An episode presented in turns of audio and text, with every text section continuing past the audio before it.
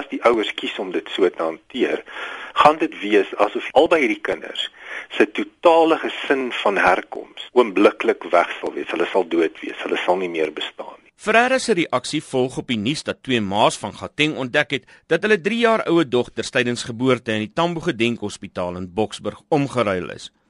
'n Prokureur vir een van die partye, Henk Strydom, sê die fout het aan die lig gekom tydens 'n onderhoudseis. 'n Paar jaar later het my kliënt uh, gegaan om die vader dagvaar vir onderhoud vir die kind en toe sy by die hof kom, toe ontken die pa dat hy die kind se pa vra vaderskap toets en ehm um, daar word toe vasgestel dat sy ook nie die ma van die kind is nie. Um, en eh uh, dit het gebleik dat die ander ma nie bereid was om haar kind terug te gee nie. So nou is jy in 'n skaakmat situasie. Die een ma wil die kind teruggee en dit blyk asof die ander ma uh, nie bereid is om van 'n afstand te doen van haar kind. Die hospitaal het hulle fout erken en staan die partye by om berading te kry.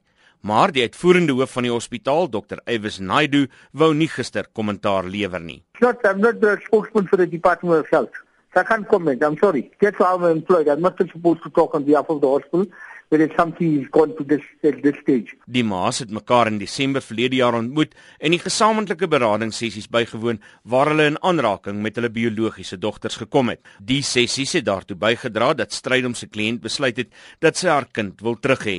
Die dilemma is in terme van artikel 19 van die kinderwet. Hy lees the biological mother of a child whether married or unmarried has full parental responsibilities and rights in respect of the child. Nou in hierdie geval die kind wat by my kliënt is, my kliënt het geen regte in terme van die wet oor daai kind nie. Al wat sy het, sy sorg vir die kind.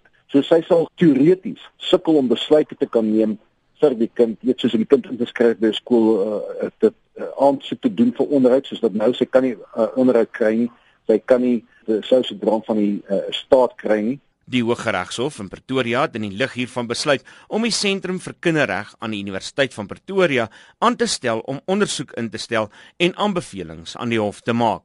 'n Prokureur by die sentrum, Karina de Tooy, sê hulle sal altyd die beste belange van die kinders voorop stel. Die hof het ons aangestel om te bepaal um, wat is hulle regsposisie, maar ook net om op 'n terapeutiese vlak met sielkundiges in sit te werk om te kyk wat is die regte pad vorentoe vir hierdie mense want dit is onduidelik op die oomblik wat moet gebeur.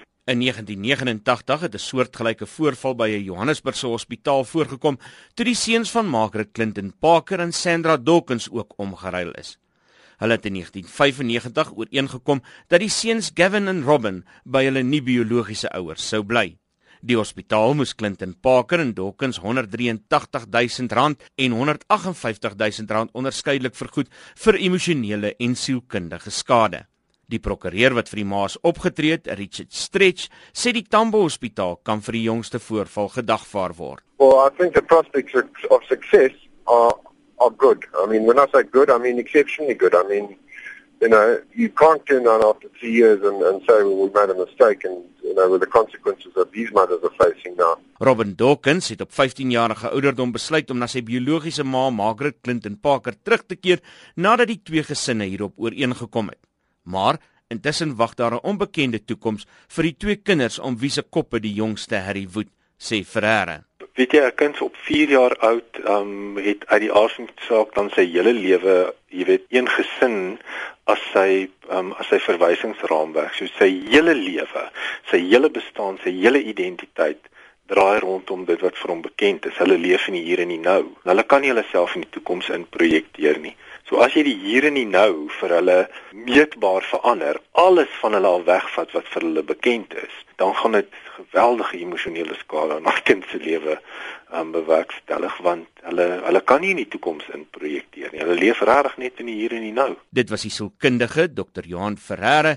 Ek is Isak Du Plessis in Johannesburg.